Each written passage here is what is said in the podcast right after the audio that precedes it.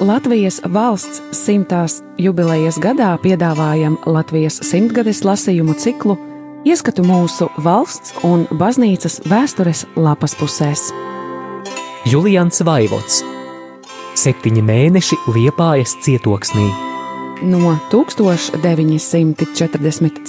gada 9. oktobra līdz 1945. gada 9. maijam.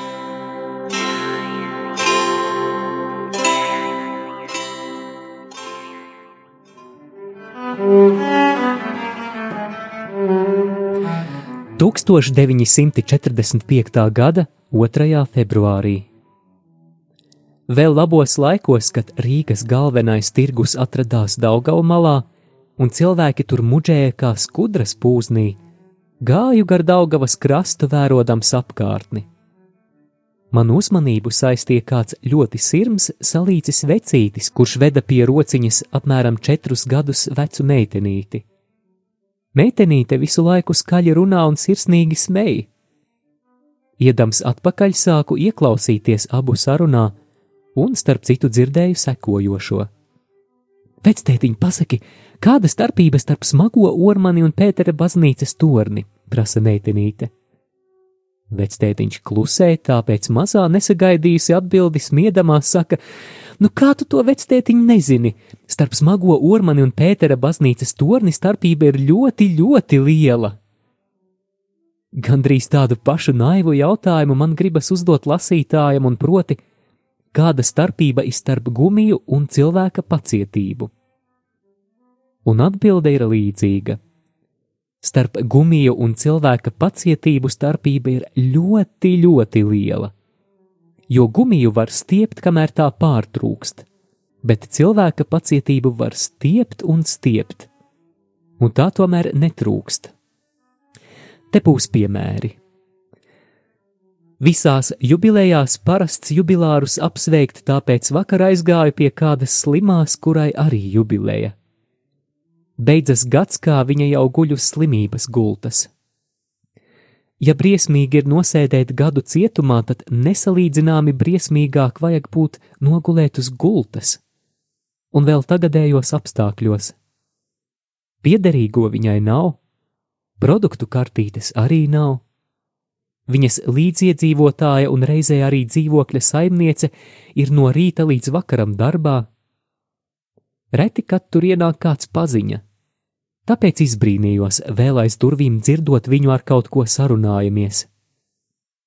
Dzīvoklī atradu saimnieci vienu pašu. Tikai kaķis sēdēja turpat pie gultas uz kādas kastes. Pēc sasveicināšanās slimā stāsta, ka nu pat esot rājusi kaķi, Kāpēc viņš esot tik lepns un nemaz neielaižoties ar viņu sarunās? Abiem taču sarunājoties būtu īsāks laiks. Jā, caurām dienām būt vienam pašam un veselu gadu nogulēt uz gultas nav viegli. Tur var arī ar nūju iemācīties runāt. Un neskatoties uz to visu, slimā ne par ko nesūdzas. Tikai uz salu viņai nav labs prāts, un arī ne tāpēc, ka priekštelpā, kur stāv viņas gulta, ir augsts, bet ka aizsalušas visas akas tuvumā, un kurlā vecenīte, kas līdz šim nesusi ūdeni, no tālienes to vairs nevarot atnest. Sakiet, vai kādu gumiju varētu tik ilgi stiept, kā šīs saimnieces pacietību, kuru vēl varbūt gadiem stieps garumā?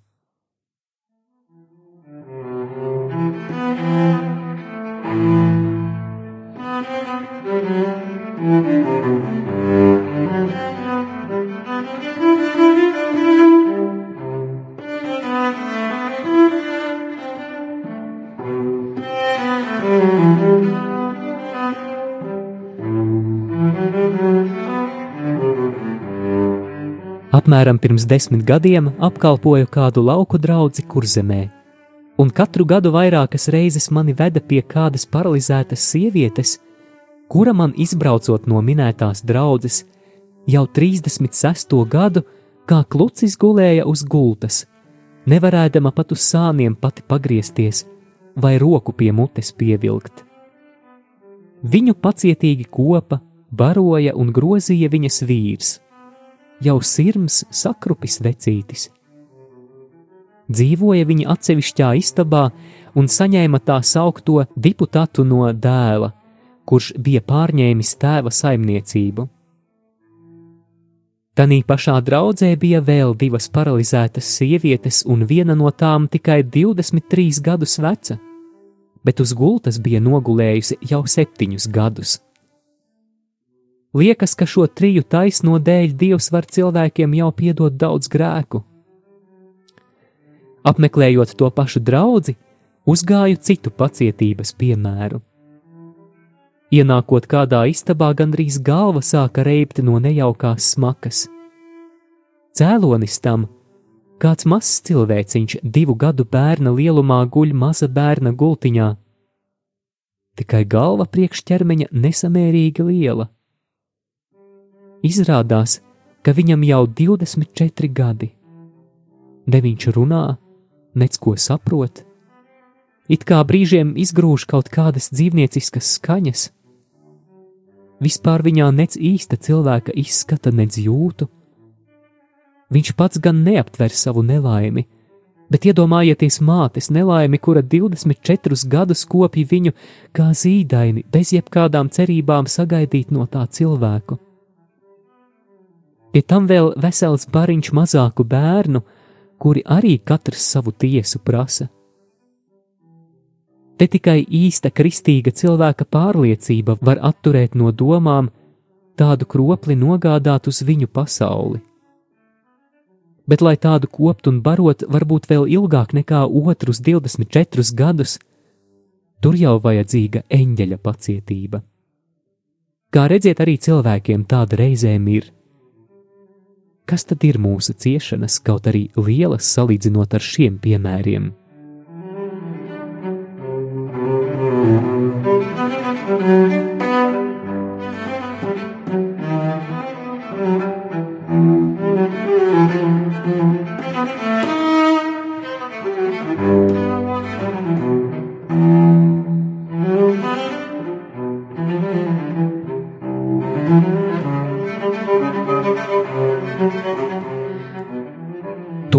1945. gada 3. februārī. Šodien īsts sestdienas vakars, jo diena apmākusies. Un bez bailēm cilvēks varēja līst vannā un nomazgāt ne tik vien pāris nedēļu putekļus, bet reizē ar tiem arī daļu rūpju. Ūdens ne tikai atspirdzina miesu, bet stiprina cilvēku arī garā.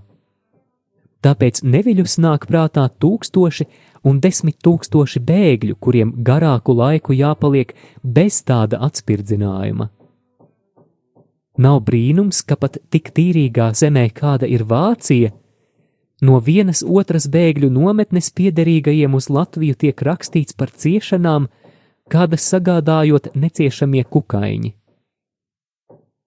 Tas pats sakāms arī par bēgļiem mūsu pašu zemē jo vairāk tāpēc, ka tieši kurzeme ir tā Latvijas daļa, kurā uz laukiem visretāk ir sastopamas pirtis.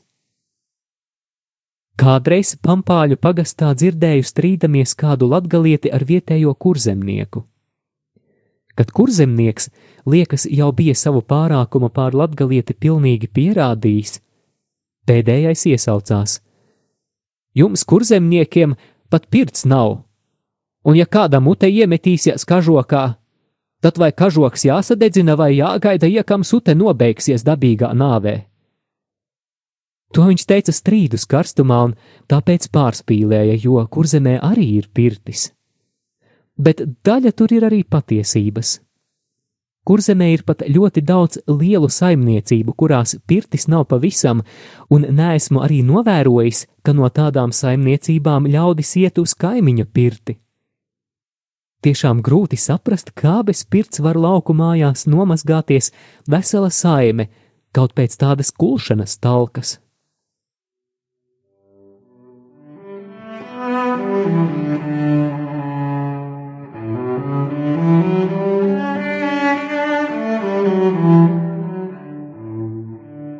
Sakarā ar teikto tagad, kad visas lauku sētas pilnas bēgļu, pirts trūkums vajadzētu būt ļoti sajūtams. Arī pilsētā pie mums pašreiz nav daudz labāk. Reizi vai divas reizes nedēļā tiek kurinātas tikai dažas pirtis, un tāpēc tur sagaidīt rindu nav viegli. Kā lai tāds bēglis, kurš jau mēnešiem ilgi klīdis pa šķūņiem un lauku mājām, vislielākā saspiestībā ietur vajadzīgo tīrību un izsargājas no katras netīrības sastāvdaļas kukaiņiem. Šīs dienās pie manis bija ienācis kāds pilsētas bēgļu mītnes apdzīvotājs, un pats nemanot reizi pa reizei patausta aiz apakles. Un nu kādā no tādām kustībām viņš ir kaut ko saķēris pirkstos un nezina, ko ar to iesākt. Man arī kauns bija viņu drošināt bez kādas kautrēšanās izrēķināties ar uzbāzīgo parazītu. Par laimi viņš pats atrada asprātīgu izeju no kļūmīgā stāvokļa, Atvainojos, mācītāja kungs, es aizmirsu kabadrānu, un tāpēc uz brītiņu jāiziet ārā.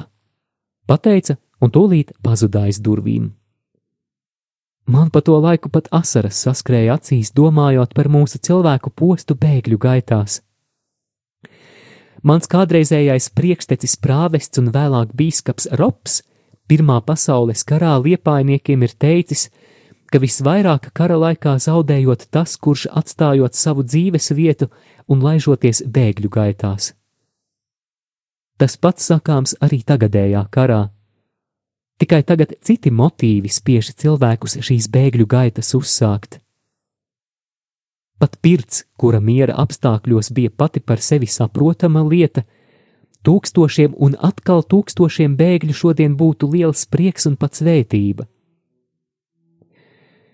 kārtīgi nomazgājies un izpēries tāds bēglis daļu no savām ciešanām arī atstātu pirtī.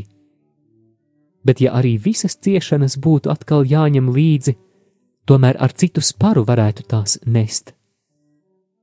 Katram šodien ir savas ciešanas, un katram savas jānes, jo savas ciešanas katram labāk pazīstamas, tāpēc arī vieglāk nesamas.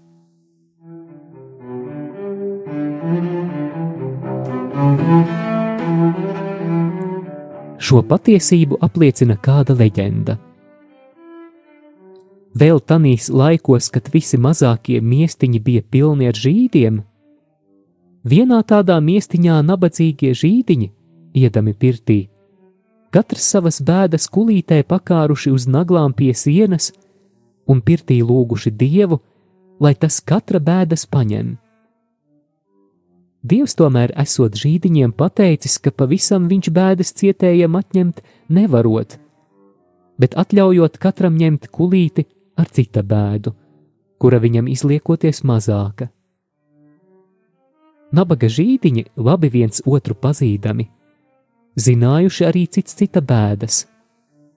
Vienam bija par daudz bērnu, otram pavisam nav, trešajam nevaldāmi bērni, ceturtajam slimība mājās un tā tālāk.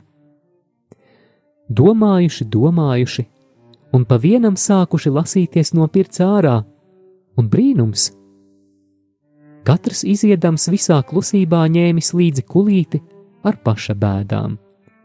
Jo pēc pārdomām nācis pie pārliecības, ka paša bēdas tomēr tās mazākās vai vismaz vieglāk panesamas.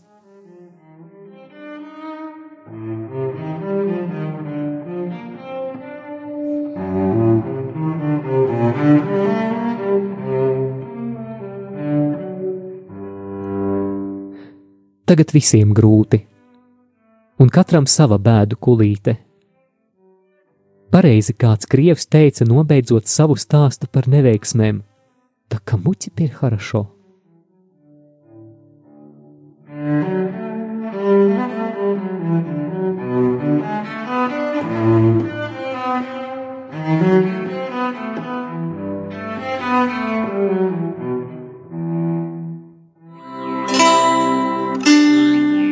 Radio Marija Latvija ēterā Latvijas simtgadēji veltīti lasījumi. Julians Vaivots Septiņi mēneši Liepājas cietoksnī. No 1944. gada 9. oktobra līdz 1945. gada 9. maijam.